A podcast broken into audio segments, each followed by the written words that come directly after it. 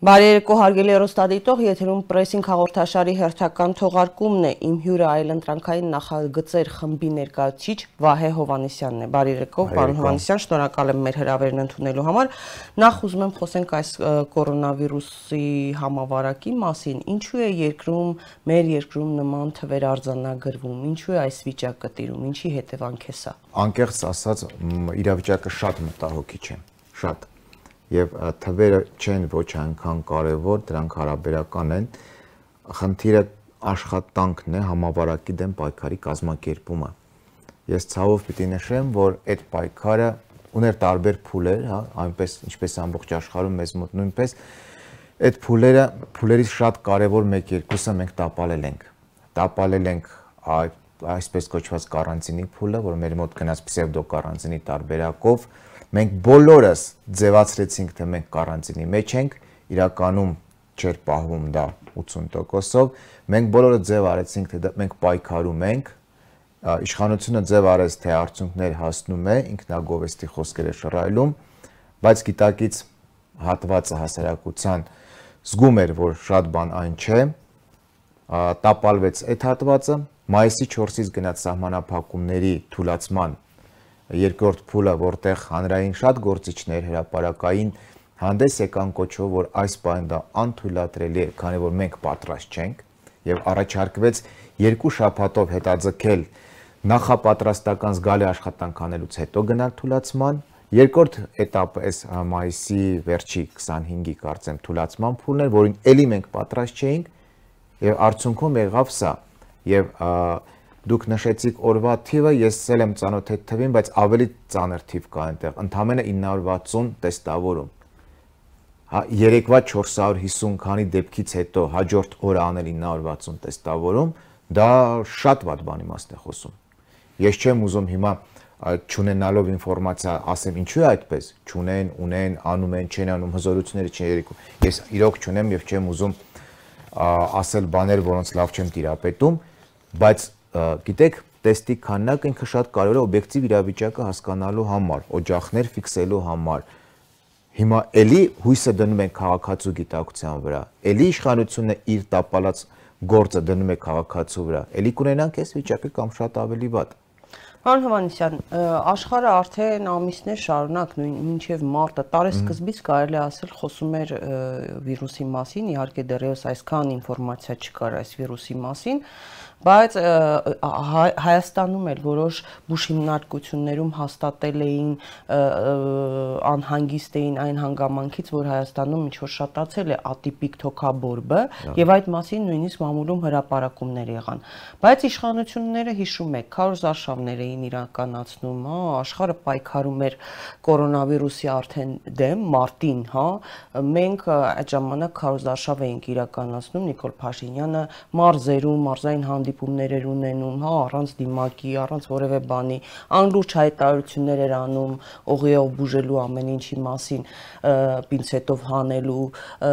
Նրա տիկին Աննա Հակոբյանը այնուհետև, երբ որ նույնիսկ այդ արդեն համավարակի մասին հայտարարվեց, ինչ որ բուկլետներ էր բաժանում բանով, հա, այսպես սիմվոլը փակցրած կորոնավիրուսի կրծքին, ինչու անլրջացվեց, ինչ նպատակը ո՞րն էր ինչ ինչու ինֆորմացիա չէին ստանում, չէին պատկերացնում, ինչու այդպես վարվեցին։ Տեսեք, ձեր նշած փուլը, հա, այդ մարտ ամսը, դա փուլերից մեկն էր, որը ձախողված փուլերից մեկն էր, հա, ես սկսեցի մի քիչ ավելի ուշ, այդ այսպես կոչված նախապատրաստական փուլ, այո, դա էլ ձախողվեց շատ པարզ պատճառով, ստեղ ոչ մի միտում չկա, ոչ բան չկա։ Ինքը իշխանությունը կանոն պոպուլիստական է։ Ինքը բոլոր հարցերին սովոր է նայել պոպուլիզմի եւ PR-ի տեսակետից հումոր կանենք վարկանիշը կբարձրանա, միտինգ կանենք ծապ կտան։ Հասկանում եք, երբ որ լինում է հանդարտ պահեր, հանդարտ փուլեր պետության կյանքում, պոպուլիզմը աշխատում է մանավանդ հասարակության որակնել, որ չի լինում բավարար, պոպուլիզմը աշխատում է։ Երբ որ դու պոպուլիզմով վերաբերվում ես, պոպուլիստական մտածողություն ես ցուցաբերում ռեալ խնդրի հետ, որը կա, դու ստանում ես ռեալ հիվանդներ, ռեալ մահեր, ռեալ ողբերգություններ։ Սա է խնդիրը։ Եվ ես վստահ չեմ, որ միջև այսօր հարցի լրջությունը ընկալվել է։ Ես վստահ չեմ, որովհետև հարցի լրջությունը ընկալվելը մի քանի որն էր ինդիկատորը, որ իշխանությունը ֆիքսել է, որ խնդիրը շատ լուրջ է։ ինքը պիտի ականջալուր լինի այն առաջարկներին, այն խորհուրդների, որ հնչում է տարբեր շերտերից, իսկ իշխանությունը ցուցադրաբար ընտրեց քաղաքականություն, ցուցադրաբար արհամարել ոչ իշխանական շրջանակներից հնչող բոլոր առաջարկներին, խորհուրդներից զգուշացումին։ Իսկ այդպիսիք եղել են։ Մի քանի շրջանակներից եղել են շատ լուրջ հիմնավորված այսպես խորհուրդ կտանք անել սա, սա, սա։ Իշխանությունը ընտրում է ցուցադրական արհամարանքի փուլ եւ ինքը Դրանով ցույց է տալիս իր անարժությունը։ Միջև հիմա այս վիրուս, այս համաճարակ, այս խնդրեմը հումորի, կիսագրագետ մոտեցումների հա, հասկանում եք, դա շատ վատ բան է եւ ես նորից եմ ասում, եթե դա լինում է հանդարտ պայմաններում, մի ինչ որ ժամանակ ուտվում է, մարսում է հասարակության կողմից։ Երբ որ դա լինում է ռեալ խնդրեմի առաջ, ունենում ենք ռեալ մահեր։ Սա է խնդիրը։ Լավ, հիմա ինչպես վերաբերվել։ Մարտիկ ասում են նախ նշեմ, որ Արսեն Թորոսյանը առողջապահության նախարար ոլորտի գլխավոր պատասխանատուն Ընդամենը 2 օր առաջ այսպիսի գրառում է կատարում կորոնավիրուսային հիվանդության բուժման համար ծավալված 186 ռեանիմացիոն մահճակալից այս պահին զբաղված է 154-ը, ազատ է ընդամենը 26-ը։ Ունենք 230 ծանր եւ 52 ծայրահեղ ծանր պացիենտներ։ Այնուհետև իհարկե նույն Facebook-ում, որտեղ գրառումը անում է, նա խմբագրում է եւ այդ ազատ մահճակալների թիվը 26-ից դարձնում է 32։ Այդ ընթացքում մասնագետները մտահոգություններ են հայտնում, համաճարակաբաններ, վիրուսաբաններ, տնտեսագետներ, որոնք խոսում են սոցիալ-տնտեսական խնդիրներից, այն ճգնաժամից, այն կրախից, որի արժև կանգնել է եւ դեռ կանգնելու է երկիրը, այդ ընթացքում Նիկոլ Փաշինյանը ծառի վրա բարձրացած կերաս է քաղում, հա, չէ, իսկապես էլի։ Դուք էլ եք տեսել, հա, ասեք ու նկարը դնում է, որ կերաս են քաղում հիմա լավ, կասեք ապաշնորություն է սա, արդեն ձեր կառնել է հասարակությանը, ես չեմ հասկանում մարդուն պահանջել մեկ ասել 100.000 վարչական տուգան կկրի նաով դիմակ չի կրում հետո ասել չէ խանութները կկրեն այդքան հետո ովքեր բանա դիմակ չեն կրում ասենք փողոցում կամ չգիտեմ մեքենայի մեջ երկու հոգով գնում են այսքան տուգան կկրեն շատ խիստ ենք լինել ես չեմ հասկանում այս անլրջություն է իսկապես թե ուղակի պետք է հաշտվենք որ անկարող են տեսեք ընդունում ենք, չէ՞ որ շատ բարդ խնդիր է ամբողջ աշխարհում այս համավարակը։ Որպեսզի դու հաջողություն ունես, դու պետք է ունենաս ռազմավարություն։ Ինչ եմ անում, որ փուլում կարճաժամկետ, միջնաժամկետ եւ այդ ռազմավարությունը իրականացնելու ունակ թիմեր։ Եթե դու ոչ այն ունես, ոչ մյուսը եւ օրը մեջ փոխվում է հայտարարությունների բովանդակությունը եւ փոխվում է հայտարարությունների մեսիջը հասարակությանը, ունենում ես այս անլրջությունը, որ նախարարը կարող է ասել իմ մոտ ռեանիմացիոն մաճակալների թիվը սպառվում է, այդ պահին վարչապետը ծառի վրա կերած քաղի, սա ենք ունենալու։ Ախր խնդիրը մենք մենք ես չեմ ուզում շատ հորետեսնել, որտեղ իսկապես հորետեսությունը լավ բան չէ եւ ես ինքս դեմ եմ, որ եթերից տարբեր տաղավարներից հորետեսություն են, որտեղ որքան էլ իրավիճակը ծանր է, իրավիճակը ունի ելքեր եւ մենք ամեն րոպե կարող ենք ասել գնում ենք իրավիճակի շտկման գրագետ քայլերով։ Բայց այդ ձեր հարցին ուզում եմ ավելի խորքային բան իշխանությունը որ պոպուլիստական է, ամեն մեկը լուծում է իր անձնական խնդիրը։ Ես վաղուց եմ նկատել, որ առողջապահության նախարարը parberabar հնչեցնում է ահազանգող թվեր։ Նույն օրը, երբ վարչապետը քաղաքական մեսեջներ ուղարկում, որ սենց ենք անելու, նենց ենք անելու, բացում ենք սա եւ այլ եւ այլ։ Բարետատունը որթեգրել է ավելի շատ լուր մնալու տակտիկան, որը ինձ անհասկանալի է։ Հիմա ամեն մեկը լուծում է իր անձնական խնդիրը։ Վաղը որ գանք մեր համընդհանուր ողբերգության առաջ առողջապահության նախարարը ես իմ ոլորտի տերնեի թվերը հնչեցել են, որ ողբերգական է ինքը այս 32 ում համար է ումը հնչեցնում գալիս ենք դրան գալիս ենք դրան գալիս ենք պետք է նախապատրաստեր գոնե այս ընթացքում հիվանդանոցները բերեր համապատասխան պայմանների իշխանություն կա ոլորտային պատասխանատու կա պարետատուն չէ այս 3 մեթոդով են այս 3 ուղղությամբ ենք համավարակի դեմ պայքարում ամեն մեկը մի պայծ սկսել է խաղալ իր խաղը հասկանալով որ արժևում կարող լինել մեծ ողբերգություն որ ասի ես զգուշացնում էի դա ինձ ձեզ եւ հարության համար զորական նշանակություն է ունենալու որովհետեւ նոր նոր մեր հարության վերջին շաբաթն որ հարության մեջ մտել այդ վախը որովհետեւ արդեն ունենում են ծանոթ հիվանդ ծանոթ մահացած ծանոթ ողբերգություն հա մեր մենք մի քիչ բան հասարակություն էմպիրիկ մտածող էլ են նաղդի հետից մինչև ես իմ աչքով չտեսնեմ դա ինչա մահը, հիվանդությունը, հիվանդանոցում տեղ չնելը։ Ես հակված եմ հավատալ կոնսպիրատիվ տեսություններին։ Դա պրիմիտիվ հասարակությունի բնորոշ։ Ցավոք այդպես է, վատ բան եմ ասում, բայց դա այդպես է։ Հիմա մեր հասարակությունից վերջին մի շաբաթը մտել է ռեալ աչքերը բացելու փուլ։ Բայց իրավիճակը գնալով վատանում է եւ որpիսի շտկվի, էսենց չի կարող շարունակվի։ Պետք է լինի հակաճգնաժամային թիմ եւ հակաճգնաժամային քաղաքականություն։ Միջև մենք այս երկու հարցերը չլուծենք, մենք որևէ հաջողության չենք հասնելու։ Հիմա ստացվում է մարզերից հատ-հատ հավաքել բերել են բոլոր շնչառական սարքերը Երևան են տեղափոխվել, դրանք առանց այն էլ այնքան շատ չէին ըստ մեր տեղեկությունների, յուրաքանչյուր մարզում 1-2 հատ, բայց ինչ են անելու մարզի բնակիչները, արդյոք նրանց պետք է թե չէ։ Մարզային հիվանդանոցները որքանով են պատրաստ դրան, հա մահճակալների թիվը ինչու է այսքան սակավաթիվ, երբ որ տեսնում եք ու գիտեիք վտանգները։ Նիկոլ Փաշինյանը վերջերս հայտարարությամբ հանդես եկավ էլի լայվով, ասաց, որ իրենց սխալը համավարակի տարածման նման պատկեր ունենալու մեջ այն է, որ մեջբերում եմ խոսքը գուցե չափից ավելի մեծ վստահություն ենք տածել քաղաքացիների անհատական պատասխանատվությանը։ Որքանով է ազնիվ այս մեղքը, մեղքը հասարակության վրա բարթելը, մուննատ գալը հասարակության վրա, հաթաթաներ տալը,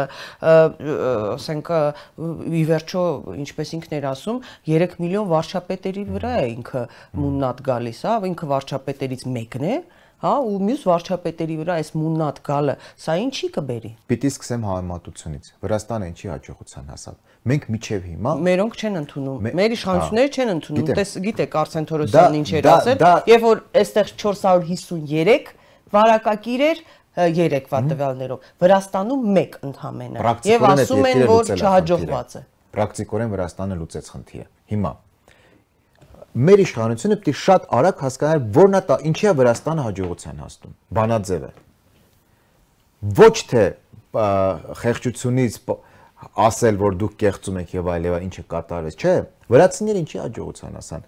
որովհետեւ իշխանությունը պոպուլիստ չէր եւ որովհետեւ իշխանությունը իսկապես կոշտ իշխանություն էր էքստրեմալ պայմաններում իշխանությունը պիտի լինի կոշտ հա իշխանությունը դրա համար է իշխանությունը չի կարող միայն դուրեկան բաներ ասել Վրաստանի իշխանությունը, Վրաստանի վարչապետի գլխավորությամբ արել են տասնյակ քայլեր, որոնք հասարակության դուրը չի եկել, որոնք հասարակությունը չի սիրել, չի ընդունել, որի արդյունքում գուցե նրա վարկանիշը ընկել է, բայց խնդիրը Վրաստանի իշխանության եղել է լուծել խնդիրը, կասեցնել ողբերգությունը, կասեցնել համավարակը, ոչ թե վարկանիշ հավաքել, ոչ թե պոպուլիզմով զբաղվել։ Խնդիրը սա է, դու չես կարող էքստրեմալ պայմաններում լինել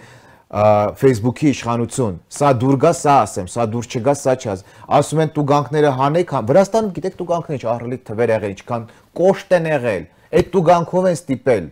տուգանքով են ստիպել, որ մնա տանը, հա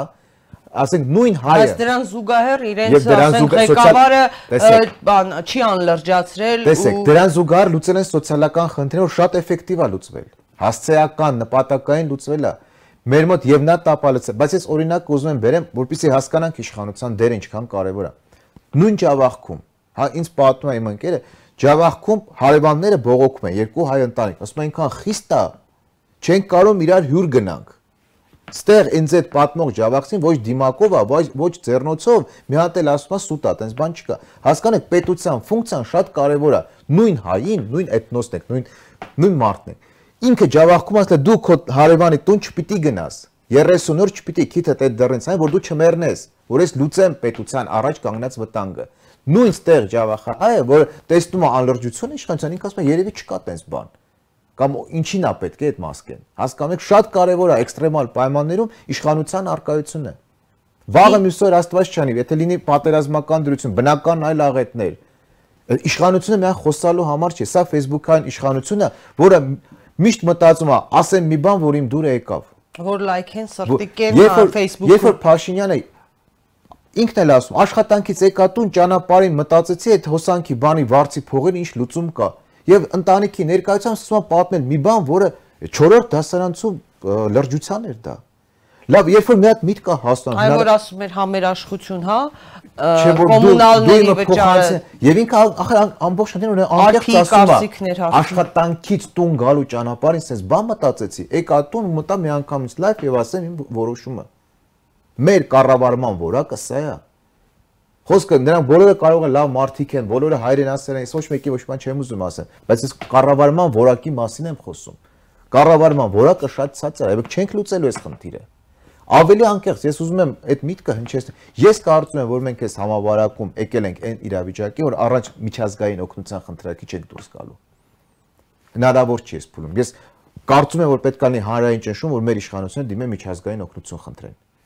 դեպքեր կան. Սերբիան Ռուսաստանից խնդրեց, Իտալիան Ռուսաստանից, ռուսները Ամերիկան, Ամերիկան ռուս։ Հա, բայց մենք դիվանագիտական հարաբերություններ ենք փչացնում նույնիսկ Հարևան Վրաստանի հետ հայտարարություններով։ Մենք Վրաստանից պիտի խնդրեինք բան օգնություն կազմակերպչական հարցերում։ Խորհրդատվություն ոնց է կարել։ Ոչ թե վիրավորեինք այդ մարդկանց եւ ստանայինք դիվանագիտական սկանդալ, այլ պիտի խնդրեինք, ասեինք, մեզ չենք կարող կազմակերպենք։ Սա պետությունն է, մենք հասկանում ենք գործ ենք ունենալու ողբերգությունների հետ։ Չեք կարծում, որ արդեն որոշ երկրներ ընդհանրապես Հայաստանից որևէ թռիչք չեն կարող է չեն ընդունեն։ Դες դիկիսը դա հետևանքն է, որ անպայման լինելու է անպայման լինելու են սև ցուցակներ եւ իրենց քաղաքացիներին արգելելու են գնալ այս երկիր եւ արգելելու են այս երկրի այդ երկրի քաղաքացիներին լինելու է դա բայց դա հետևանքն է դա հետևանք մենք պիտի լուծենք այս համավարակը որտեղ ինքը բերում է հումանիտար աղետի Մենք հումանիտար աղետի շեմին ենք։ Հովանեսյան, դուք նաև հոգեբան եք մասնագիտությամբ, կրթությամբ։ Մի բան հարցնեմ, հոգեբուժ, ահա, վայ ավելի ավելի ավելի լավ։ Բայց չէ, հարցեր չեմ տա։ Հիմա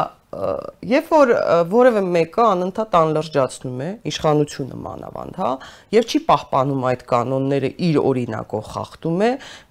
նույնիսկ եթե օրինակ օրը 10 անգամ լայվ մտնի, աչ հունքը բարձրացրած, զախը ներքև իջացրած տոնով, ասի, որ ավելի կոշտ է լինելու, ավելի խիստ է լինելու, սկսի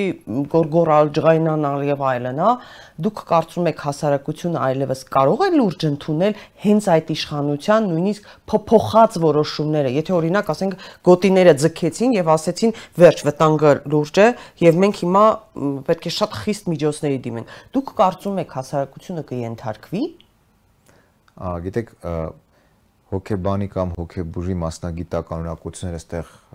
տեղին չեն, որովհետև դա այդ խնդիրը չի, Այստեղ ուղղակի մենք գալիս ենք նույն բանին, պոպուլիստական իշխանությանն է, պոպուլիստական իշխանության։ Ես հասարակության առումով եմ ասում, մարդը դիմացինը լուրջ կընդունի, ինչպես անել, որ կարողանա արդեն լուրջ վերաբերվել այդ իշխանությանը։ Դիմացինին, այսպես ասենք, դրա համար եմ ասում հոգեբանը։ Ցանկացած պոպուլիստական իշխանություն չի մտածում ռեալ արդյունքների, ռեալ գործի մասին ինքը մտածում է իր վարկանիշի, ասեն բաներ, որ դուրեկան կլինի, հասարակությունն էլ ուզում է լսի բաներ, որ այն դուրեկան է։ Եթե հիմա Նիկոլ Փաշինյանը կոչ անի հրաժարվել բոլոր դիմակներից, ձեռնոցներից եւ այլ լեվանը վիրուսը հաղթարել ենք, նրա վարկանիշը կբարձրանա եւ հասարակության մի զգալի հատված կողջունի եւ մենք կհայտնենք վաղը չեմիսորը բոլորս ողբերգության մեջ։ Սա է, մենք 2 տարի ունենք պոպուլիստական իշխանություն, որը խոսքը, բանավոր խոսքը եւ ինֆլացվող խոսքը ավելի է կարեւոր, քան ռեալ գործը։ Սա է խնդիրը, մենք սա է հիմնական խնդրեմ, հասկանում եք մեր մեր երկիրը մեր երկիրը մտել է միտեղ որտեղ ռեալ արդյունքներ չենք կարող արցանագրենք հանդարտ կյանքում դա դժվար է դա դժվար է երևակվում տեսնում է գիտակից հատվածը էքստրեմալ իրավիճակում տեսնելու են շատերը։ Լավ, 2018 թվականի հայտնի իրադարձությունների ժամանակ եւ դրանից հետո նույն Նիկոլ Փաշինյանը հասարակության քաղաքացիական գիտակցությունը շատ բարձր էր գնահատում, ասելով, որ հենց նրանց անհատական պատասխանատվության շնորհիվ հնարավոր եղավ առանց բռնության այս թավշյա հեղափոխությունը իրականացնել։ Ինչու հանկարծ այսօր այդ բարձր գիտակցություն ունեցող, բարձր քաղաքացիական գիտակցություն ունեցող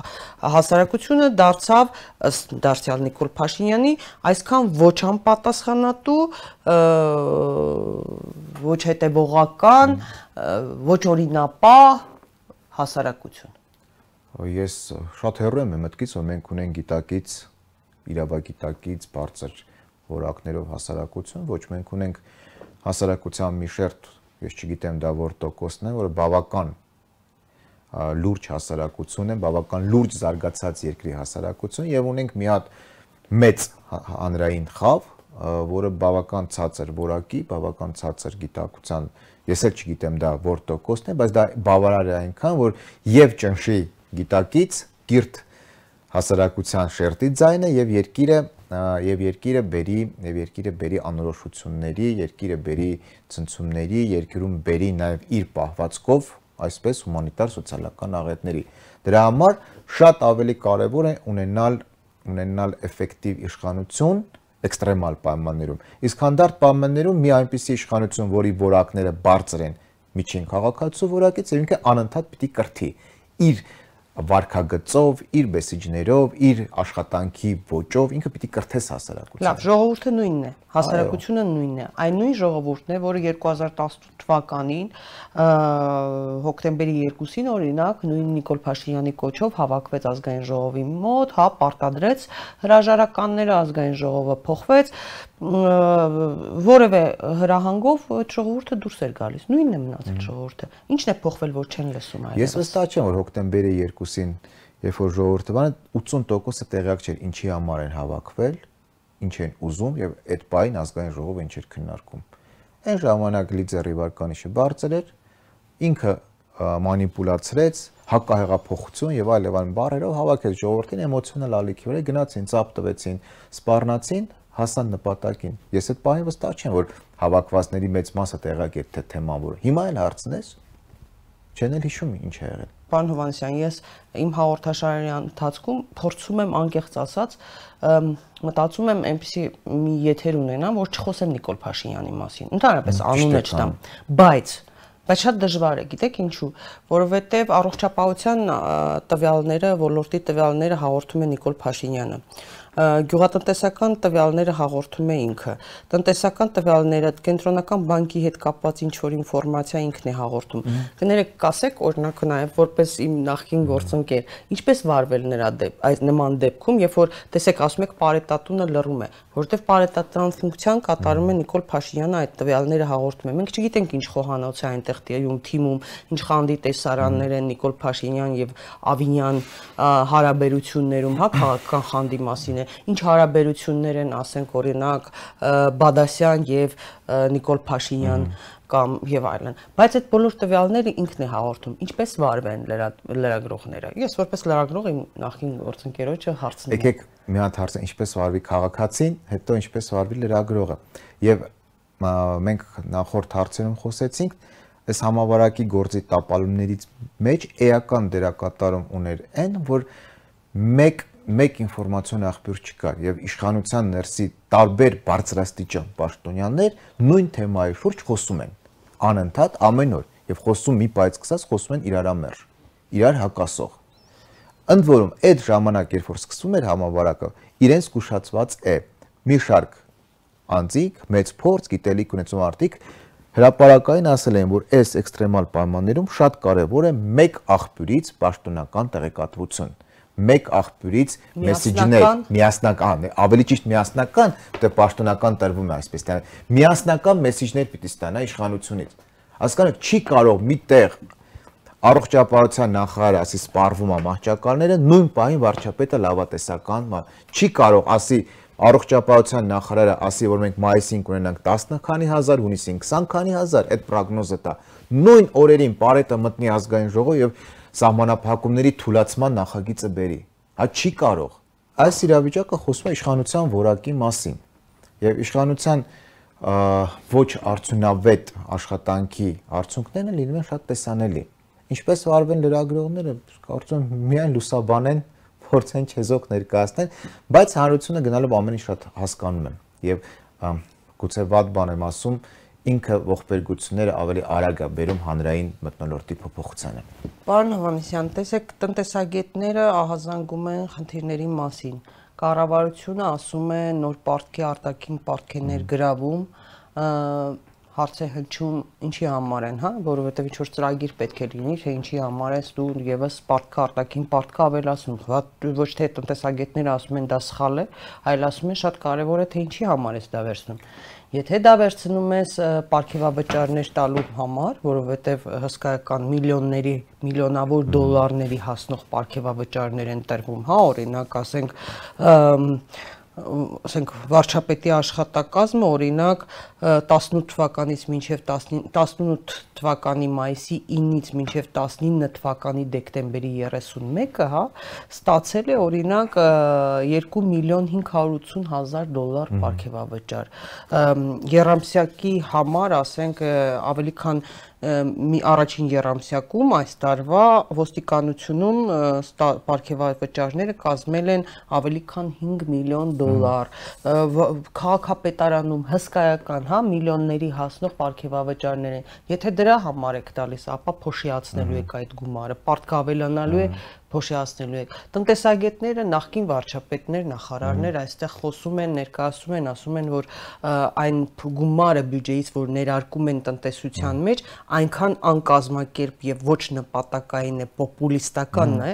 որ դա բյուջեի մսխում է, հա, փոշիացում է, հաշվետվողական չեն, ում են անտոկոս վարկեր տալիս իրենց մերձավորներին, թե ում առհասարակ։ Հիմա տնտեսությունն էլ ստացվում է, որ մենք դեռ չենք պատկերացնում, թե ինչ վտանգների արժև են կանգնած սոցիալ-տնտեսական խնդիրները։ Լավ, ինչպես վարվել, ինչ ռիսկեր կան, ելքը ո՞րն է լինելու։ Տեսեք, մի քանի առնվազն երկու կարևոր հարց ձեր մի հարցը մեջ ձևակերպեց։ Եթե իշխանությունը պոպուլիստական է համավարակի դեմ պայքարում, իսկ ինչին է պիտի լինի լուրջ հավասարակշիռ տնտեսական խնդիրներում։ Նույն ոճով, նույն պոպուլիստական բարձունակ պատկերացնելը նա վերաբերում նաև տնտեսական խնդիրներին։ Այն որ տնտեսական խնդիրներն են լուրջ, լինելու են եւ դրանք լինելու են շատ լուրջ, կասկած չի արուցում։ Տնտեսագետների բանավեճը կայանում է մի քիչ այս կողմ, մի քիչ այն կողմ, մի քիչ այս սցենարով, մի քիչ այն։ Այն որ մենք ունենալու ենք առաջիկայում 100 հազարավոր գործազուրկներ, նոր գործազուրկներ, կասկածի տեղիք չի տալիս։ Այն որ հազարներով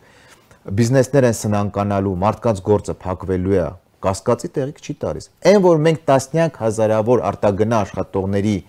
այդ ինստիտուտը փակվելու է, մնալու են Հայաստանում, թե դրանց Ռուսաստաներում, Ուկրաինաներում ոչ մեկ չի սпасելու։ Այն որ տրանսֆերտների քանակը նվազելու է եւ Ռուսաստաններից փող չի գալու իրենց ընտանիքներին, որտեղ փողը չկա եւ իրենք այնտեղ չեն։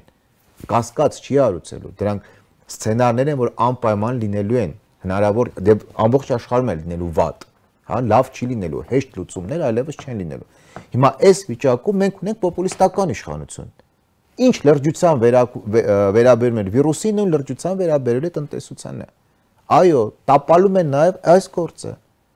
Եվ հիմա առաջի հարցին ինչ պիտի անենք, ես հակում նույն միտքն եմ կրկնելու։ Մեզ պետք է հակաճգնաժամային թիմ,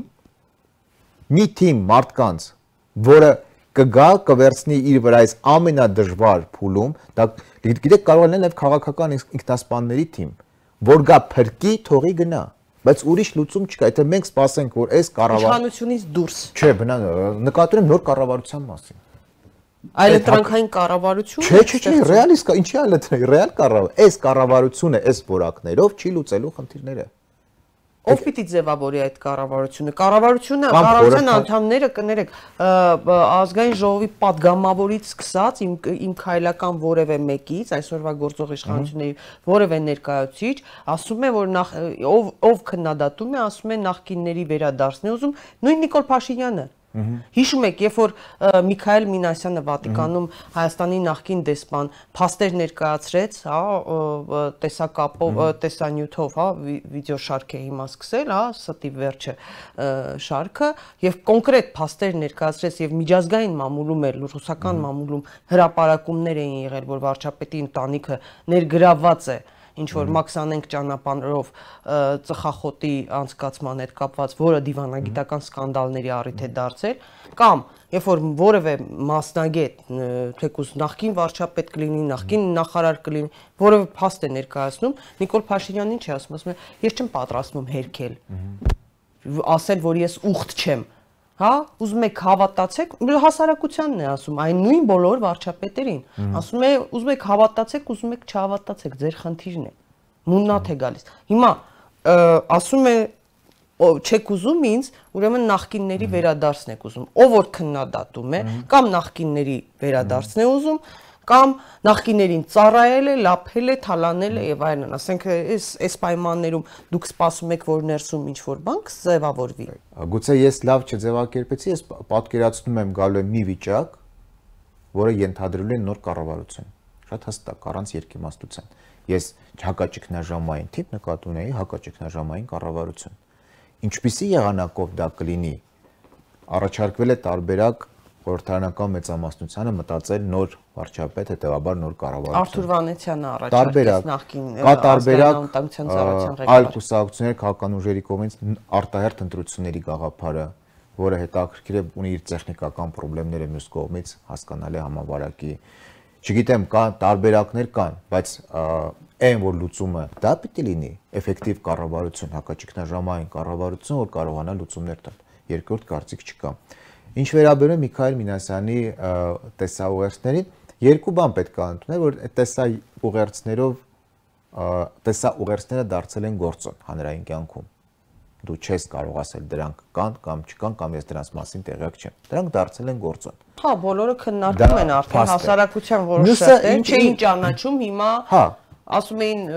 անհասկանալի կերպար էր ի վերջո շատերի համար, մութ անհասկանալի տեսան, որ սովորական իրենց պես մեկն է։ Սա սա մի լավ բան է ապացուցել, որ միշտ հրաապարակայինը ավելի լավ է, քան ստվերային գործունեությունը։ Միշտ հրաապարակայինը 21-րդ դարում, որ դու քո դեմքով վերեսկենում քո ասելիքը ասում, միշտ ավելի ճիշտ է։ Անցնենք մյուսին։ Այս էպիզոդում շատ կարևոր իշխանության ռեակցիան։ Իշխանությունը ասում է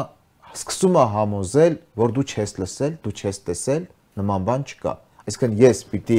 ինքս ինձ համոզեմ, որ ես չեմ լսել, որ երեք օթանավ մաքսանենք ծխախոտա գնացե, որ ադամանդների մաքսանենք համակարգ հա ինքս փորձում է քաղաքացուն համոզել, որ չէ, դու չես լսել։ Ախր բայց դա ասվել է, չէ, տեսել ենք, չէ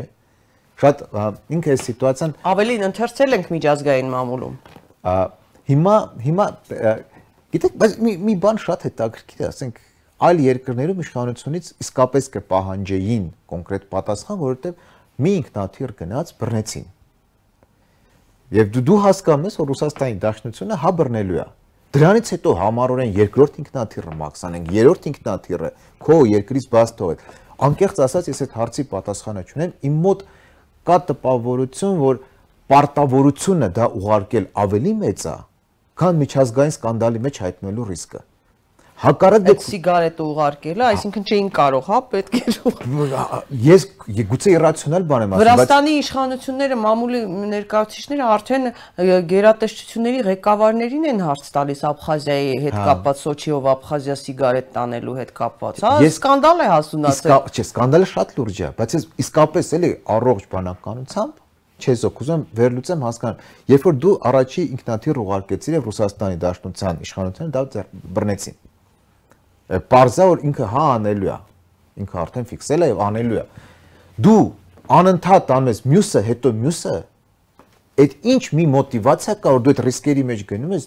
որը ավելի շատ է, քան միջազգային սկանդալի մեջ հայտնվելը։ Ես այդ հարցի պատասխանը չունեմ անկեղծ։ Այդտեղ ինչ որ մի հատ բան կա։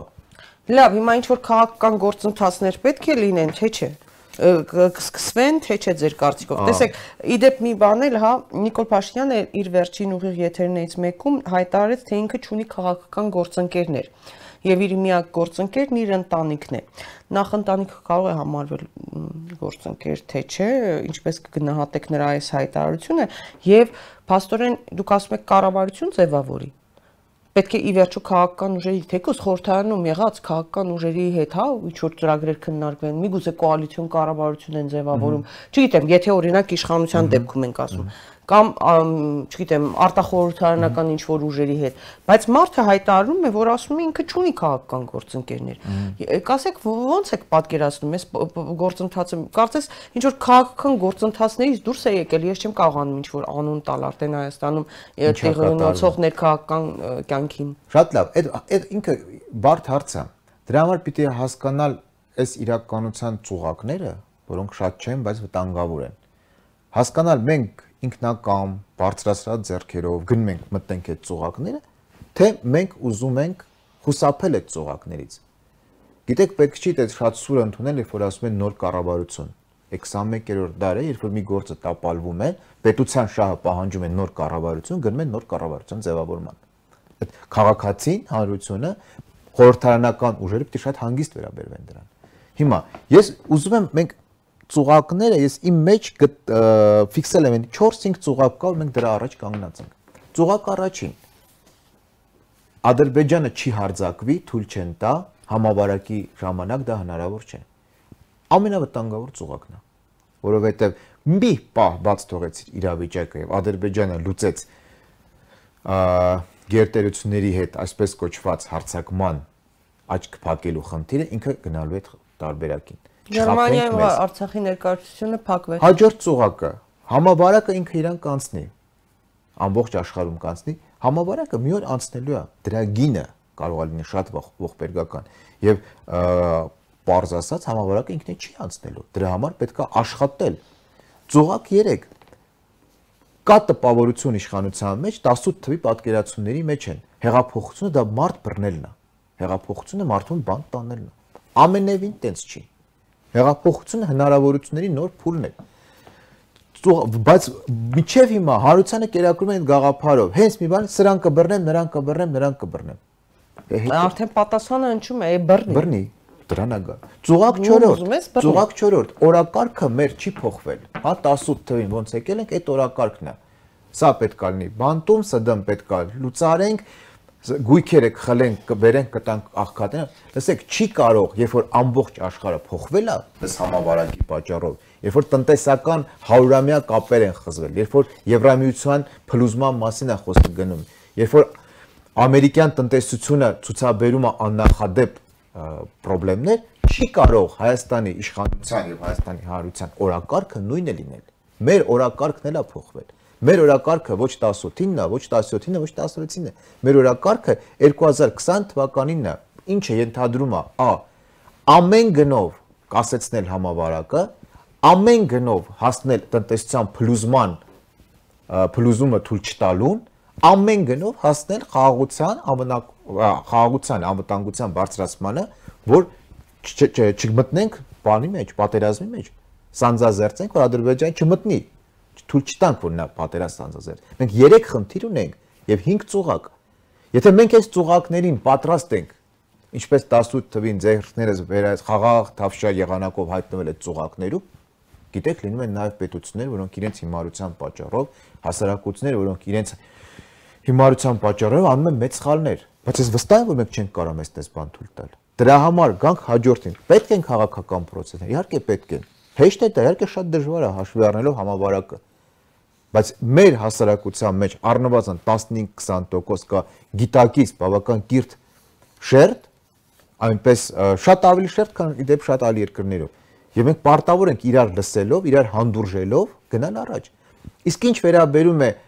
ով խոսում ասում է հնին են ուզում կան, եկեք շատ པարզ, այդ edge-ը պետքա մի այդ բանը պետքա շատ հստակ պատասխան ստանա։ Կա անցյալ, անցյալի edge, անցյալի փուլ, անցյալի իշխանություն։ Մենք դա անցել ենք։ Կա ներկա, ներկայի edge, ներկայի փուլ։ Okay։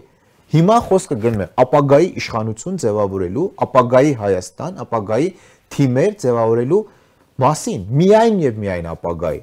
որտեղ տեղ պետք է ունենան, դերակատար ունեն կարող մարդիկ։ Հա եւ մարդկանց հերիքա բաժանել անցյալ, ներկա, սև, սպիտակ։ Մարդը կամ կարող է կամ անկարող։ Մարդը կամ կիրթ է կամ տգետ է։ Մարդը կամ ունակ է գործանելու կամ ունակ չէ։ Եվ այս ապագայի իշխանության ապագայի թիմերում պետք է լինեն այն մարդիկ, որոնք ունակ են, կարող են, տգետ չեն, կրթված են։ Եվ իմ համար որևէ խնդիր չկա, դա կնի իմ քայլից, թե ՀՀԿ-ից, թե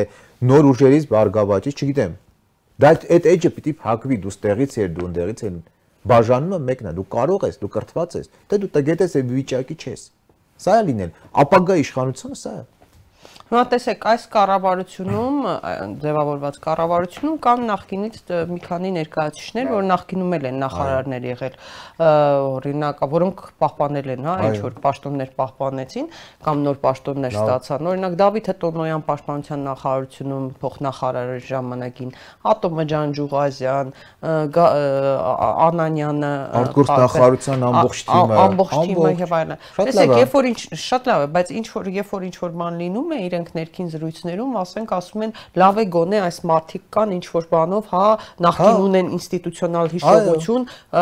պետական համակարգում աշխատել են, գիտեն խնդրի լուծում, ասենք հույսը դա է։ Հա, կամ կենտրոնական բանկի աշխատակազմը, որ պրոֆեսիոնալ աշխատակազմ կա, ինչ էլ որ լինի անկախ փոփոխություններից ղեկավարների կամ բան, Բայց մյուս կողմից ասում են, չէ, նախկինները վատն են, նախկինները։ Բայց մարդը հարցնում է, եթե ներկան էլ ասենք օրինակ հիմա առանձին անուններ չտամ այսօրվա падգամավորներից սկսած, որոնց նույնիսկ այդ անունները անկեղծ ասած ես իմ այս file folder-ում չեմ ուզում նույնիսկ պահպանել, որովհետև այնքան ժամանակավոր ու տարերային են այդ դեմքերը, թողներվի ինձ։ Կամ ասենք նախարարներ, որոնք կներեք, էլի գոնե մի հա A4 ֆորմատի չափով կենսագրություն գոնե ունենային, հա, որովհետև մեր համ, մեր բոլորիս գլխին որոշումներ են կայացնում։ Հիմա ինչպես ինչպես վարվել հասարակությանը վախացնել ասել այ նրանք բոբո են այ տեսեք նրանք գալու են ձեզ թալանը մյուս կողմից տեսնում ենք ազգային ժողովում ինչ է տեղի ունենում լուսավոր Հայաստանի հետ եւ Նիկոլ Փաշինյանի ելույթը, որը արդարացնող ելույթ էր ըստ էության։ Իր թիմակիցներին ինքը մեսիջ հաղորդեց, արդարացրեց։ Հա, ինչքան էլ ասեց մենք պարտվեցինք եւ այլն, բայց արդարացրեց։ Սյունիքում ենք տեսնում դեպքերը իշխանությունների գործողությունները մարդկանց ծեծ ու ջարդա ոստիկանության աշխատանքները տեսնենք տեսան ինչ է լինելու ինչի վրա հենվել ստացվում է որ այդ ուժերը պետք է դրսում ձևավորվեն ոչ թե ներսում որովհետև բանա կատեգորիկ են որևէ այսպես ասած ճակերտավոր նախկինի կամ անցած ճանապարհ ունեցող մարդու հետ նախկին անցյալ բանից թող 1-2 հոգու գլխի մեջ է դա արդեն եւ նրանք շատ փորձում են աշխատացնել միջև վերջ եւ միջև վերջի օրը դա անելու են։ Մեր հարստությունն է, մեր պետության հարստությունն է, որ այսօրվա իշխանության մեջ կան մարդիկ, որոնք ունեն 5, 10, 20 տարվա աշխատանքային փորձ։ Դա մեր հարստությունն է, հասկանում եք, երբ որ արտգործնախարարությունում կան մարդիկ, ԱԱՑ-ում կան, ոստիկանությունում կան, ֆինանսների նախարարություն, բանակում, պաշտպան, դա մեր հարստություն, մենք տենց է, պետությունները տենց է պետություն դառնում։ Այդ հիշողությամբ, այդ ինստիտուցիոնալ փորձով, հա, եւ իմ ասած ապագայի իշխանությունը, որ պետքա լինի ունակ մարդկանցից, միակ չափանիշը պետքա լինի ունակ, բան, իհարկե տեղ են ունենալու մարդիկ, որոնք այսօր աշխատում են։ Դա էլ լինելու մեր հարստությունը, եթե իմ քայլից կամ այսօրվա իշխանության ունակ մարդկանցից մարդկանց խումբը տեղ ունենա ապագայի իշխանության, շատ լավ է լինելու։ Դա պիտի լինի։ Մյուս տարբերակը, մյուս տարբեր գավառական գավառական մտածողությունն է, անդադ ասել դու սենց դու նես դու է հետո։ Է հետո հետո լինում է արդյունքները պետական գործում, պետության կյանքում։ Եթե դրսում ինչ որ process-ներ, քաղաքական process-ներ լինեն, հա, փողոցային պայքարի տեսքով կամ չգիտեմ, իշխանությունները չեք կարծում, որ ուժ կգործադրեն։ Բայց դա հետաքրքիր է։ Ես ես չեմ կարծում, դա դա մենք նստենք մտածենք ուշ կկիրառեն թե չկիրառեն կոնկրետ հիմա մարդիկ մահանում են հիվանդանոցներում տեղ չկա վարակի դեմ չեն կարող չես համաձայնների ինչ է նշանակում ուշ կկիրառեն ես չգիտեմ երբ որ իրականությունը կլինի այնպես որ հանրության մեծ մասը հասկանա որ պետք է էֆեկտիվ կառավարություն կառավարություն որ ունակ է լուծելու հարցերը կառավարություն որ ունակ է թույլ չտալու որ հայտնվենք հումանիտար աղետի մեջ Այդ ժամանակ այդ հարցերը կլուծվի շատ հեշտ։ Պարոն Հովանեսյան, տեսեք, ազգային ժողովում այդ միջադեպին հաջ լուսավոր Հայաստանի Էդմոն Մարուկյան Սասուն Միքայելյան միջադեպից հետո Նիկոլ Փաշինյանի ելույթում որտեղ նա փորձեց արդարացնել հա իրենց падգամավորների Սասուն Միքայելյանի Էդմոն Մարուկյանին ապտակ հարվածելու ոչ ապտակելու հարվածելու փաստը այդ ելույթին հաջորդեց սպան բուրըն ծափահարությունները այդ ամբողջ խորթանի հա ՀԿՑ-ն էլ օրերս հայտարարեց, թե մեկ ապտակը չի կարող ծեց համարվել եւ գործ չհարուցեց հիմա ինչպես մեկնաբանել սրան զուգահեռ նաև խնդրում եմ անդրադառնանք նաև լուսավոր Հայաստան, որը ինքն իրեն ընդդիմադիր է հրճակել իր գործունեությամբ եւ դրվագներով, միգուցե որոշների մոտ դա կասկած է հարուցում, այնուամենայնիվ հայտարարեց, որ բոյկոտում են նիստերը, երեք էլ հայտարարեցին, որ այլևս չեն բոյկոտում։ Հիմա ինչու հայտարարեցին բոյկոտում են, որ հետո չպետք է բոյկոտեին եւ ավելին, որ չեն դիմել իրավապահ մարմիններին, որպիսի գործընթաց սկսվի, հա ինչպես վարվել, ինչ որ սпасելիք ունեք խորհրդարանից այլևս։ Տեսեք, ՀԿՑ-ի մասով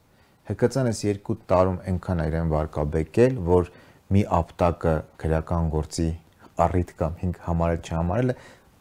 մեծ մեծ մեծ խնդրեմ չի իր համար Կուզեին Էդմոնին կմեղադրեին հիմա։ ՀԿՑ-ն այնքան բաների մեջով է անցել անթույլատրելի այնքան սահմաններ անցել, որ մի էպիզոդ ավել կամ պակաս իր համար խնդիր չէ։ Նիկոլ Փաշինյանի ելույթը իմ համար ու անդուր էր, որովհետև այդ այդ իրավիճակում հեղափոխական վարչապետը այլ շեշտադրումներով պիտի խոսեր։ Լուսավոր Հայաստանի վարքագ Լուսավոր Հայաստանի հետագա պահվածքը անկեղծ իմ հետաքրությունից դուրս է մանավանդ կարդացի իրենց պատգամացում եք անդհատ ասում էր եթե մեզ երաշխիք տան որ բռնություն չի լինի մենք կվերադառնանք գիտեք քաղաքական ուժը դիմանդեր այդքան տոկոս ձայն ավակել անդհատ ասի երաշխիք տվեք որ մեզ չեք ծեծի մենք հետ կվերադառնանք մի քիչ էդ էլ անցնենք մի կողմ։ Շատ լուրջ խնդրեմ է, շատ լուրջ այդ 88-ի ծափերը Փաշինյանի ելույթին։ Ես մեջբերեմ ձեր խոսքը մի հատ ձեր մի հոդվածից, հա,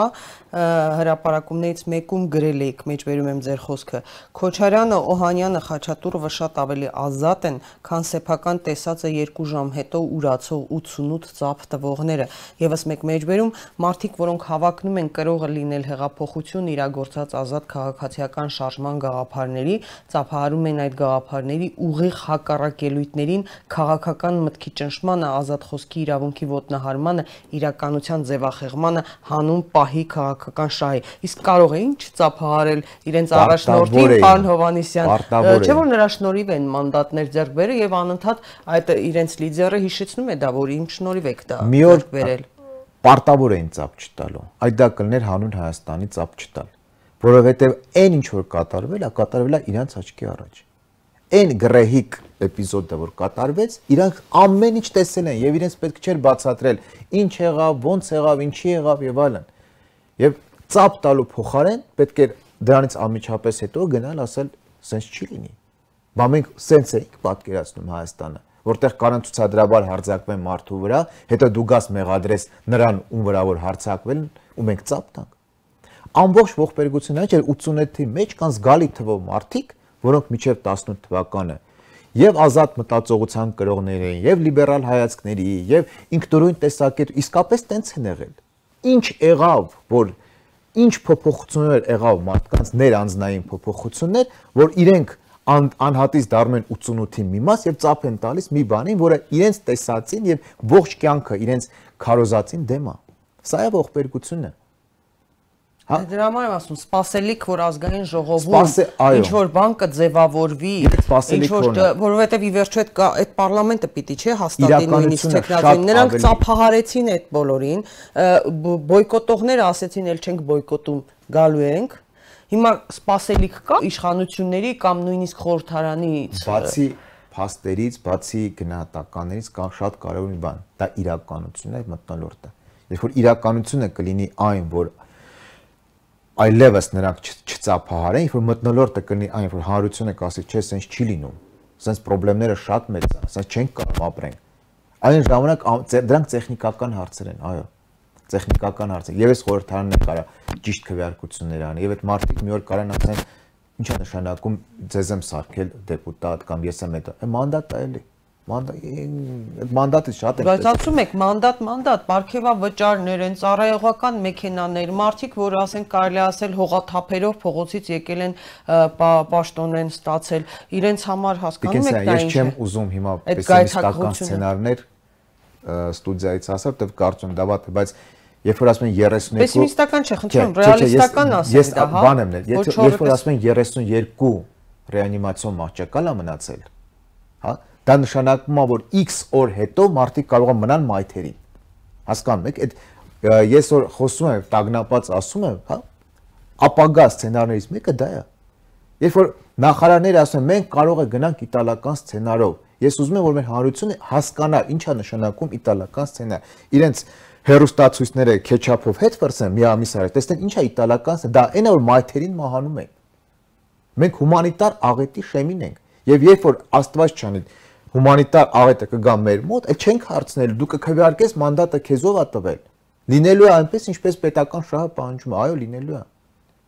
Եվ լինելու է կարող է լինի շատ ավելի վատ, քան հոկտեմբերի 2-ին։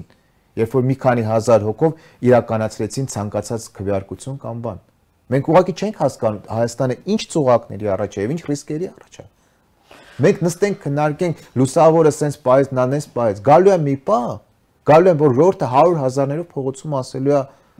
հերիք եղավ։ Որ շատ երկրներում է տենց եղել։ Տեսեք, Արցախյան հիմնահարցը, որ Հայաստանի թիվ 1 անվտանգության խնդիրն է, Լավրովը Ռուսաստանի արտգործնախարար հայտարարություն արեց, նշելով, որ բանակցում են ինչ-որ փուլային տարբերակի մասին, այսպես ասած գաղտնազերծեց բանակցային գործընթացը, որը ի դեպ հերքում էին իշխանությունները։ Նիկոլ Փաշինյանը, որ մեր համար Արցախի հարցը դա ուղղակի Արցախի հարց չէ, հասարակությունը պետք է հասկանա, որ Արցախը Հայաստանի անվտանգությունն է ապահովում եւ դարպասներից ամենակարևոր կարևոր դարպասներից մեկն է Հայաստանի, հա, եւ այն զինվորը, որը այնտեղ կանգնած է, հա, պաշտպանում է, սահմանը պահում է, նա չի պահում Արցախի այսինչ անուն ազգանունով բնակչի, դա պահում է Հայաստանի եւ Արցախի քաղաքացիների անվտանգությունը, հա, եւ այս թեմայով քննարկումներ են տեղի ունենում այս ընթացքում։ Լավրովը նման բացահայտումներ է անում, հա, նման գերտերության ռազմավարական գործընկեր Լավրովը ընդ որում այնտեղ լուրջ մեղադրանքներ են նաև հասցնում երկաթգծի հետ կապված, գազի գնի հետ կապված հարցերի շուրջ եւ այլն,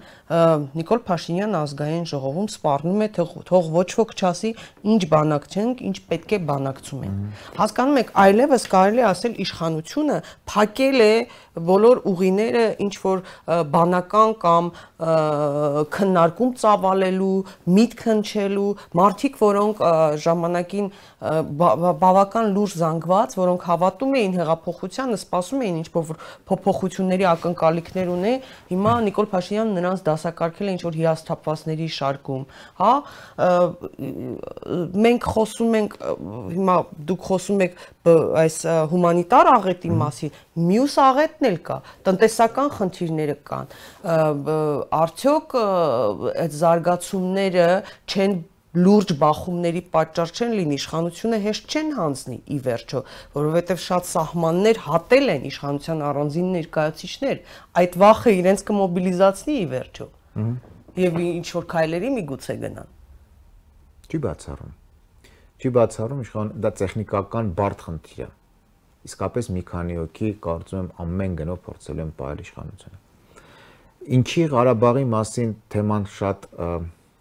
չ շատ չ կենտրոնացավ այդ թեմայի վրա, ես ուզում եմ ավելի լայն նայենք։ Այս պահին ցանկացած այլ պետության ղեկավար Ռուսաստան, Պուտին, Ամերիկա, Վրաստան, Ադրբեջան, մյուս այդ իրանց ղեկավարները եւ իշխող էլիտան որ խոսում է, խոսում են թիվ 1 վիրուս, հանրային առողջություն, հա, կոր տնտեսություն նոր հետո X հարցեր կամ չեն խոսում այդ X հարց։ Գիտեք, պետության առաջի դեմքերը թելադրում են օրակարգ։ Հիմա մեր պետության առաջին դեմքերը իրանց օրակարգը լրիվ ուրիշ է։ Իրանք միջև հիմա քննարկում են հանրակրվեն ոնց անենք, ոնց չանենք Հրայր Թոմասյանին ոնց աշխատանքից է։ Քոչարյանին բանտում ոնց պահեն։ Սերժին ինչպես ձերբակալեն։ Միքայել Մինասյանին ինչպես բերման ենթարկեն։ Այդ ապօրինի գույքի օրենքը ոնց արագ անցկացնենք, ոնց գնանք նրան, ոնց սկսենք այդ կառույցները ձևավորել։ Հասկանում եք, շատ կարևոր է օրակարգում չկա։ Մեր օրակարգը եւ մեր ռեալ խնդիրները կապ չունեն իրար Ես ժամերով կարող եմ լսել, ասենք Ռուսաստանի նախագահն հետաքրքիր լսում ես, այդ մարդը խոսում է միայն համավար վարակ եւ ինչպես հանրային առողջություն եւ դրանից առաջացած տնտեսական, սոցիալական խնդիրներ, ուրիշ բառ չի խոսում։ Եվ այդպես բոլոր լուրջ երկրների ղեկավար, այդ թվում մեր շատ սիրելի Վրաստանն է։ Մեզ մոտ կորոնավիրուսը 4-րդ, 5-րդ տեղն է, Ղարաբաղը 9-րդ, 10-րդ։ Որովհետեւ էլի կրկնենք, հա, թող մեր հանրությունը Դեմ ոնց լուծարենք հարակվեն, ոնց անցկացնենք Հրայր Թոմասյանին, ոնց հանենք Քոչյանին, ոնց բանտում պահենք, մյուսին ոնց նստացնենք հաջորդը ում։ Սա է խնդիրը, սա է ողբերգությունը։ Կառավարության օրակարգը այն չի, ինչ որ ռեալ խնդրեմն է։ Սա է բերելու, սա է բերել, սա է պահանջելու հանգուցալուծում։ Մնա ձեր ասած տեխնիկական հարցը, որ կարող է իսկապես շատ կարճ չեն, շատ-շատ։ Եվ նախկինների նման հանգիստ չհանձնեն անարյուն Դա դա տեխնիկական խնդիր է, բայց բովանդական խնդրեմը այդ է, որ իշխանության օրակարգը եւ հանրության օրակարգը տարբեր են։ Նախկինները ասացին վերցրեք, այսինքն ուշ չկիրառեցին, բան չարեցին, բայց այս ճշնամանքի մտնոլորտը, որ չկա հասարակության մեջ այդ համերաշխությունը չեղավ, ի վերջո ընդհակառակը սրվեց խորացան խնդիրները ու ճշնամական դարձան, սա հետևանքները կարող է շատ ավելի ծանր լինեն։ Կարող է։ Ջոյ։ Պարոն Հովանեսյան, մի մի հարց էլ էլի, դուք տեսնում եք Հայաստանի Հանրապետության նախագահին այս ամբողջ պատկերի մեջ, հա, իր դերակատարումը տեսնում եք կամ կարող է ունենալ, ինչ կարող ունենալ, ինչու չի ինչու չկա նախագահ, այսպես ասած։ Չգիտեմ։ Ինքը ունի ուներ ունի համալրությամբ ցածր շատ փոքր լիազորություններ, բայց էքստրեմալ պայմաններում այդ լիազորությունները ընդլայնվում են այլ որակների հաշվին։ Նախագահ Արմեն Սարգսյանը ունի հնարավորություն բոլոր process-ներին նայելու վերևից լավ իմաստով չլինել կողմ, չլինել շահագրգիռ կողմերից մեկը եւ վերևից նայելով փորձեր երկիրը դեպի առողջ լուծումներ, ճիշտ լուծումներ տանելու բայց ինքը ցավոք շատ հաճախ process-ին նայում է կողքից։ Այլ ֆունդամենտալ տարբերություն կա նայել վերևից եւ չլինել շահագրգիռ կողմ, հանուն պետության աներ քայլեր, թե նայել կողքից որպես դիտորդ։ Ինչու ի՞նչն է դրանում դերակատարությունը։ Այն հանգամանքը, որ երկար տարիներ այստեղ չի ապրել, հիմնական, հա, կեցության վայրը չի եղել, ինչու՞։ Գուցե առիթ, գուցե առիթնի դուք իրեն բաց հարցնեք եթերում։ Ես կուզեի, որ ինքը լիներ նույնիսկ իր ամենասահմանափակ համանդրական լիազորություններով ունենար ունենար կարևոր դեր, որտեղ իսկապես նախագահի դերը այստեղ շատ մեծ է, այս այս բսկտված, այս հանրային վատ մտնոլորտում, այս մեծ ծուղակների առաջ ինքը ինքը կարող է ունենալ դերակատարում։ Ես չգիտեմ թե ինչ չի արվում։ Սահմանադրագետներն ասում են, եթե չեն տեղեկ տեղյակ չեն իրենց հնարավորություններից, սահմանադրությամբ տրված լիազորություններից, դա սահմանափակ անվանելը ճիշտ չէ, որովհետև ասում են մեծ լիազորություններ կան, պարզապես չեն օգտվում, չգիտեն դրանք որոնք են։ Այնպես որ այստեղ հակասական բան կա։ Եվ մոտ ժամանակներս ինչ որ գործընթացներ սպասվում են, թե ոչ։ Ինչ տիպի գործ։ Քաղաքական, ներքաղաքական սպասվում են տեսեք մի կողմից Նիկոլ Փաշինյանը վախ ունի Ռոբերտ Քոչարյանից, նույնիսկ խափանման միջոցը ամեն կերպ չեն փոխու, չի փոխում, հա, եւ դա քաղաքական որոշման հետևանք է ըստ բազմաթիվ իրավաբանների, երբ որ աշխարհը կալանավայրերը ազատում է, հա, խոցելի խմբերում գտնվող նույնիսկ կալանավորներից, որպիսի պետությունության վրա բերջ լինի կամ առհասարակ նրանք ամեն կերպ փորձում են Ռոբերտ Քոչարյանին պահել, հա, կալանք կալանքի տակ չեն փոխում։ Ամեն կերպ գործեր են հարուցվում Սերժ Սարգսյանի ուղությամբ, հա, քրեական գործեր, Միքայել Մինասյանի ուղությամբ, նախկիններից տարբեր նախարարների, տարբեր կառավարման մասնագետների, փորձառու պաշտոնյաների նկատմամբ, հա, այս բոլոր ուղություններով Արմեն Գևորգյան, հիմա նաև Արթուր Վանեցյան, բոլորի նկատմամբ, այսպես ասած, բոլորը մի բան դաստա այսպես ասած գործ ունեն կամ բանենան այս վախերի պայմաններում, հա, այս նախ այս վախերը ինչից է։ Չկա, ում վախը։ Այդ մարդիկ չեն վախում։ Չէ, Նիկոլ Փաշինյանի վախը։ Ինչի է, ինչից է վախենում։ Իշխանություն կորցնելուց։ Ուրիշ ինչից պիտի։ Եթե դու ներգրավված չես, եթե դու չես ներգրավված չես ռեալ խնդիրների լուծմանը, եթե ռեալ խնդիրները տապալվում են, ցանկացած մարդ այդ բանը մտածում է կամ գնալու մասին կամ իշխանություն պահելու։ Ուրիշ բանի մասին չի մտածի։ Ստե մենք ռեալ գործերը տապալում ենք։ Եվ բայց ես ձեր առաջի հարցը որ ասում եք քաղաքական զարգացումներ սպասում են, այդ հարցին շատերն են տալիս, այդ թվում փորձառու քաղաքական դեմքեր։ Ես ասում եմ, գիտեք, ամեն շաբաթ Հայաստանում նոր իրականություն է, եթե ոչ ամեն օր։ Ամեն շաբաթ պայմանավորված համաճարակով մենք մենք չգիտենք հունիսի կեսերից տեղ ինչ է լինելու Եվ ես իսկապես բոլորին լրջության կոչ եմ անում։ Շատ շատերը այդ թվում իսկապես կրթված փորձառու մարդիկ լուրջ չեն ընդունում այս համավաճ համաճարակի տեմպերը, ռիսկերը։ Եվ նախարարի ասած 32 ռեանիմացիոն մահճակալի մասին ընդամենը։ Բերեք այդ ինքնուրույն հասկանանք դա ինչ է նշանակում։ Դա կարող է լինել մեզնից յուրաքանչյուրը, մեր հարազատը, մեր ծանոթը, մեր բարեկամը, մեր ընկերը, մեր քաղաքացին։ Այս ուզում ու վրա հույսը դնի քաղաքացին։ Փաստորեն արդեն դա դա ողբերգությունն է, գիտեք, մենք երկար դայրով պետություն չենք ունեցել եւ բոլորս կրթված մարդ միշտ ասում են, ինչի սենց չարեցին, ինչի, երբ որ դու պետություն չես ունենում, միշտ լինում է ողբերգություն։ Իմ մոտ երբեմն տպավորությունն է, որ իշխանության մեջ ընկալունցը որպես պետ որ պետություն չունենք։ Չէ, ունենք պետություն, ուղղակի վատա կառավարվում։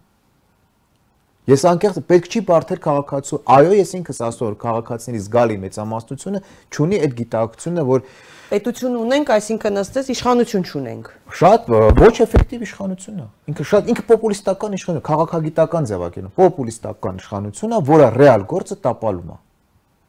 Դա շատ դա շատ լուրջ վտանգ է։ Շատ լուրջ եւ ես չգիտեմ մենք հունիսի կեսերին ինչ Հայաստանում ենք ապրելու, ինչ իրականության մեջ։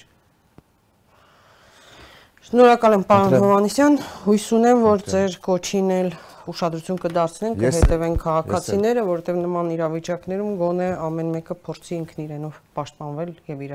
հարազատներին պաշտպանել։ Հարգելի ռոստադիտող այսօր այսքանը, կհանդիպենք։ Բարի գիշեր։